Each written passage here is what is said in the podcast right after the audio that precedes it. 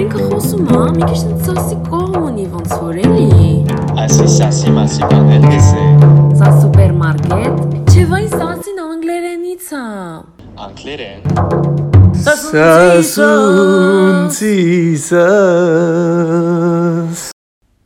Hey guys, it's Astrig. Welcome to the second episode of Sasson Sasuntisas. With Aragah, we talked to Sevana, a musician from France who moved to Armenia six years ago, Haikouhi, who left France for Armenia after the war and now works in an NGO, and Aram, an activist from the US who goes back and forth. To repat or not to repat? That is the question. Hi, I'm Sevana Chakrian. Uh, I'm 30 years old. I'm born in France, uh, in the Paris region, to a Persian Armenian mom and a Lebanese Armenian dad. Aram Bowen. I was actually born in Pennsylvania, but I live in New York City now. I'm half Armenian. My family was from Van.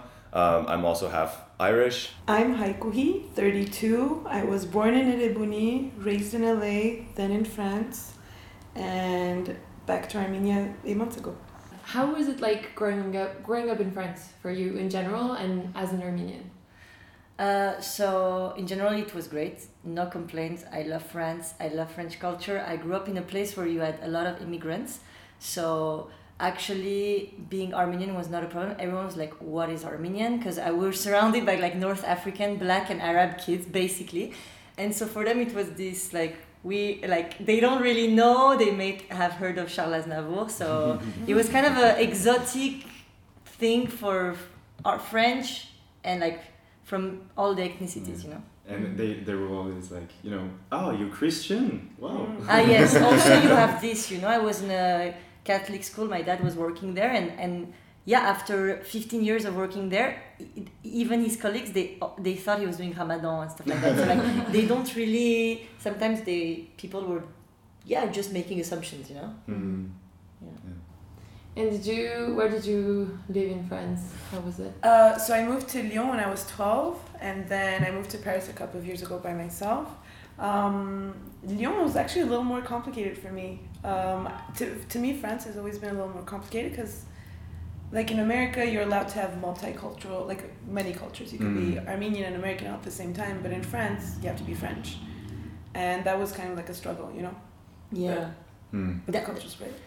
That's right. Like for instance, I remember my mom told this story because it happened with me and my sister. So our first language was Armenian at the house, uh, and uh, so when I was three, I didn't speak French. So they take me to this kindergarten, and uh, the teacher is like, "Oh, man, no, it's not good. You have to speak Fre- French at that because the kid will not be integrated." Uh, you know, and uh, and so my mom like kind of made us even work more and like learn the letters by the time I was four, you know, like she she kind of did the I don't know, the, went extra, you know? And then when my sister, it was the time of my sister, like I had already proven that I was not like late, you know, in my development because I'm bilingual. And then they tried to do the same thing to my sister and she was like, no, guys, stop. I don't speak French well. I'm not going to teach them a language I don't speak well, you know? Mm. So the language thing, I think for me was the most problematic. Yeah. And I guess so that that was different in the US. So I guess you had a different experience with that. But in reality, like I grew up and spent most of my life in Pennsylvania and the, outside of Philadelphia, in very much uh, just white suburbia. Uh, for me, being Armenian was a standout, and many times was something I was like literally criticized for um, because I was perceived uh, well with my name being Aram, they cannot pronounce it. Always asking who you are, what you are. Are you Armenian? Okay, sure. Or, what, are you from somewhere else? Um, so I received a lot of just difficulty and criticism just because that is in the end also how Americans can be. If you're Italian, if you are Irish, which I was Irish, but that didn't matter um, to them. So it was very much um, a struggle for me until I of course got to New York where 100% of my friends are Armenian and in New York being whatever culture, wherever you're from, it literally doesn't matter. Um, except in New York, my Armenian friends being half Armenian and not being able to speak was also like a little bit of a struggle as well. So um, for me, it has always been difficult finding a specific place where I felt comfortable and felt at home. So I was gonna ask a question about like how Armenian was your family. You already started talking about it. For you, since you're like half and half, how, how did that go? How was that at home? Um, not not Armenian at all at home. Um, Mom would like make you know occasionally make food. Um, you know, and we we celebrated our culture and we talked of the genocide. You know, like that. But in terms of like how a lot of my other friends were raised, um, going to school, uh, going to Armenian school, being raised on the language. My mom was raised in the fifties in New York, which is when you like literally didn't want to be anything but American. Her parents all hmm. spoke Armenian, but they did not teach any of her. Her cousins, nobody else was taught the language because Americanization, Red Scare. You wanted to be American, so that hmm. whole layer of the culture was lost. Us also having been in the United States for three generations was another just step, step, step away from the culture. So I didn't really pick it up on my own until I went to like Armenian summer camp. And that was my introduction. And so I felt like, and it's still this, true to this day, I brought my Armenian home Okay. to my family. And so your ancestors, like your family and stuff, were like the OG, like the first ones who came to America after the genocide. Yes. And so you're like the fourth generation. Yes, and it was it was again like you know the culture always stayed, the language stayed with them, the religion stayed for sure. But it was just you know living in New York, even though you, you can be whatever culture you are. Now it wasn't always like that. So uh, we didn't really have that type of traditional Armenian experience, and especially without the language, that's such a huge part of preserving the culture because it's just it, it's just another big layer of like what it is to be Armenian. So um, I had to search the culture out for myself. I'm the first person from my entire family to ever return back to Armenia, ever mm-hmm. and any generation. Hmm. Hmm. Wow. So I'm, I'm the first one. Yeah. Okay. You're like the first one in your mm. family and your ancestry to to like go to a place that is called Armenia, but that like your ancestor didn't necessarily like um, know at the time. Not at all. so, uh, and not in many very years. interesting. We left in my family left Van in 1890. So like the first massacres that happened, they, they Yeah. left. Mm. So I mean, literally, it has been so long since any member of my family had been in Armenia at all. So yeah, me coming here was just I had to learn. Like I was being introduced to a country that nobody knew how to introduce me to. So this was a brand new experience and brand new fatherland for me. And when did you come for the first time? in 2019, which was, of course, an amazing time for Armenia. We were booming, the GDP was growing. We, I, the World Tech Conference was when I was here, I was here for a wedding. Um, Armenia was at its absolute peak, so I saw it, this brand new Armenia that even people that had been going to Armenia for years, they didn't even recognize. Yeah, yeah, so it, it now coming back, um, new experience, different experience, obviously, because of what we've gone through. Yeah. So I've, I've definitely been seeing like the different versions of Armenia and where it, where it is and how it's changing. So that's been really interesting to me. 'Cause people ask how it is, and I'm like, well, it's different then, even different now. You know, And Sevana, so when did you come to Armenia for the first time? Did you like have family here that you I came to had visit? when I was 11 I came here I like it was so nice. Like the fact that people play in the street like the kids play in the mm. streets for me it was like wow you don't do like Yeah. my mom didn't let me do that in France. And then came back again you know 17 21 and I, that was like the party years it's like when you come here you don't sleep you're like on Red Bull for three days you're like ah! it's like Las Vegas but everyone is Armenian you I'm know? still not. I'm, I'm still not sleeping. No, that's the problem. It's still up all night. I know in those years it's worse, but I'm still Yeah, not sleeping. Like you come here for vacation, but you actually get more tired. you Oh, you yeah. go home way more tired than you did when you got here. you know, like the whole triptych, you know, you wake up super late, you go to a cafe, you go to the pool, occasionally you go out of town, Garni Geghard, come back, get dressed, get your drink on, yalla, that's done. Same thing next day. Same thing next day. Do it and repeat. That was very cool, but I think uh, the year I was 23, like I kind of I was I was graduating. I was working in Cité de la Musique, like the French Philharmonia. I had like, I want to do this. I want to go into music business. Da, da, da, da. And someone, a British guy uh, that I met through work, introduced me to an Armenian lady here who was gonna do a summer camp, you know, in Armenia, with kids. I'm like, and she's like, can you come and you can translate and also be kind of the coordinator? Yalla, I want to do it. So for two months, I was here, but I didn't like. I was kind of schizophrenic because I was working during the day. I was volunteering, you know, and during the evening, I still had all my friends, but I really saw something different. You know, you actually see the people because you work Yeah. with them. You have lunch breaks with them, you know, and uh, I'm like, man, I I want to work here. Like it's so cool because it's still like uh, your daily life, but it's with people you can. I don't know. You have a strong connection from the beginning, you know. And so I'm like, okay, I need to find a way to come back. Went back, thought of what I can do, and then you know, collab- met some NGOs, COAF, got a little grant to come start a music program, and that was in January of 2015. So it's been six years now. Wow. Yeah. So Haikouhi, you were born here. Yeah. So you must have like a super different relationship to Armenia than those two. Uh, yeah, I do. I grew up when I, okay, so I was born here and then we left when I was two, right after, you know, the wall of Berlin, etc. And so I grew up very Armenian in LA, but we all know how LA Armenians are. it's a very different culture. And then I had another culture shock when I went to France because it's not it's not LA. Yeah. Um, and so I stayed away from the Armenian culture from 12 to 30 because I need to understand who I was as a person and not with you know all the baggage that we we have. But and I never came here. I never came to vacation here, nothing. But I came here two years ago with my family, and this is gonna sound super cheesy and very French. no, no, no. But I came to the airport, the person looked at my passport and said my name right. And it sounds so silly, but Haikouhi is such a hard name to say, and my whole life they've said it wrong. And here at home, they said it right. And that's when I was like, I need to live here. And then I saw the scene, I saw the, the tech scene because I, I used to work in AI.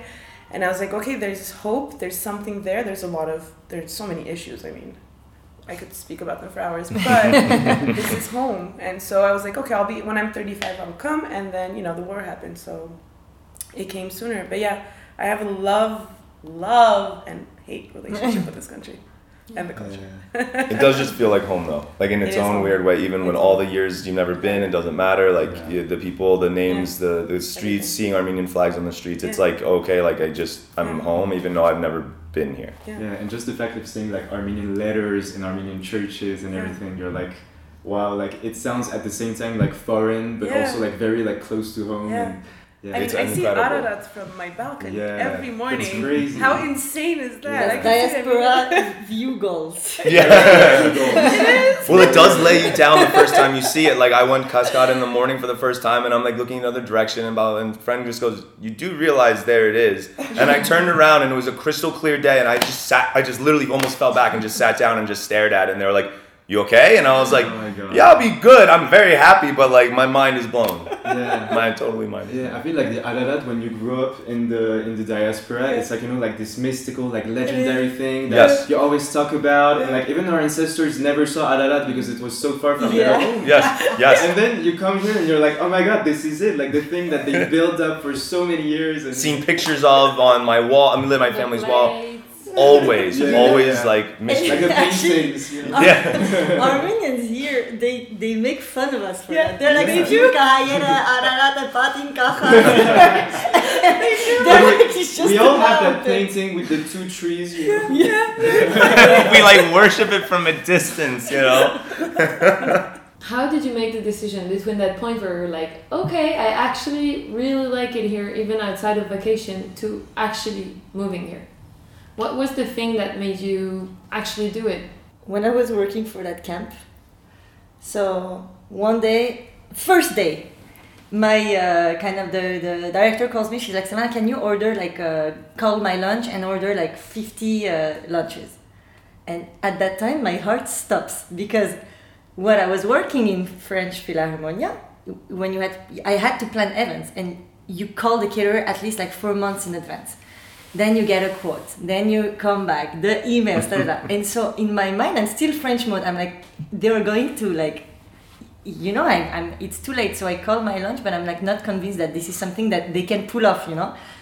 Because everything is so complicated in france in terms of this Yeah. stuff. So i'm calling her about this like uh, can you uh, can we order 50 yeah what time? I'm like uh 12 okay for where? You know? And i'm like okay. When this was the moment i'm like i need to move here. I am going to. I am going i felt a sense of freedom. Obviously it has so many bad sides also to be so spontaneous in everything but that Yes. moment i felt like kind of in a cage you know doing and so for me it was like idea ideate how what can i do? Because my, my mom was telling me seven i don't want you to go to armenia just for the sake of going to armenia. You have to work in your field and think of your career. Ideate ideate and then that year before i came here three times actually. Like it was not like first time ticket. I went had business uh, like a meeting came back worked on it and then it was already planned. You know, I had a contract, so I, I came. Um, mine is kind of more depressing. It was the war, um, and so I'm, I used to be a psychologist, and I initially called up and wanted to come here for three months and help out as a therapist. Um, and then the war kept on going, and so I was like, three months is nothing. So I signed up to do the army. My parents don't actually know this, so if they hear this, they're gonna have a heart attack. and the first thing they told me was, you need permission from your father, or your brother, or your husband in order to come fight as a woman. Yeah. Really? What? What? But Yeah, you you didn't know that? No, No. not at you all. can't fight. And that really That's pissed What? me off. Because I mean, my dad would never say yes, obviously. and that But the really fact that it's like a thing. me- and your Yeah. mom can say yes. It has to be your dad or your brother. yeah, my not brother sister, or my husband if I'm married. Oof. Okay. Yeah. Wow. And so It's interesting. yeah, yeah, and so here's the thing: you see these young men, mostly men, but unfortunately women as well, but men dying every day. You see your country just being just completely destroyed, eviscerated from society. No one cares, and you yourself are trying to do something about it, and your own country is not letting you do it for Mm. whatever patriarchal bullshit reason. And so that's when I decided to move here because I was like, A, that's not normal. B, this is most definitely not going to be the last war that we see. Um, and see it is my duty to be here. Even if I can't fight, even if I can't do this or that, I have to be here. Even if it's just, I don't know, making masks. Who cares? You mm-hmm. gotta do something. Mm-hmm. So yeah, so I just quit my job on the spot when I moved. And, and when you decided to quit your job and quit your job while you were here. No, no, I went quit back- my job. I called my lady and I was like, November is my last month. I, not even October was my last month because I went to see my parents for a couple of weeks and then I got here. Wow. And I was like, bye, deuces. I did Halloween. I celebrated with my friends and then I left. Hmm. Wow. Yeah. So you're not a repat. No, Which I'm, okay. but did you ever consider it? And just I don't know, like your friends with Haikouhi, seeing her doing this, did you ever think about it? I mean, it, I know that for me it would be difficult in general. Um, I struggle with even getting the people here to accept me. Um, I don't speak the language. As soon as I say no, they're kind of like, you know, and it, you know, my I am very fair skinned. I have blue eyes. I know that I stand out a lot, and so you know, and to like her point about feeling almost rejected by wanting to come and help or wanting to be here um, i still in all honesty feel at many times rejected for even being here. And so you know it's not that that would ever be enough for me not to but it was enough for me to wonder would i even like get by here? You know um, would it even be something that would be beneficial for me being here? I mean coming here now for a second time and having a completely non-tourist experience has now opened my eyes a, a, a bunch and uh, changed my opinion on that you know and i'm not sure exactly how it would work but i'm i'm much more able to comprehend being here now that i didn't just do garni and geghard and it's the standard you know you go- Yeah. the, the tourist and then it was drinks at night and exactly that. Now i mean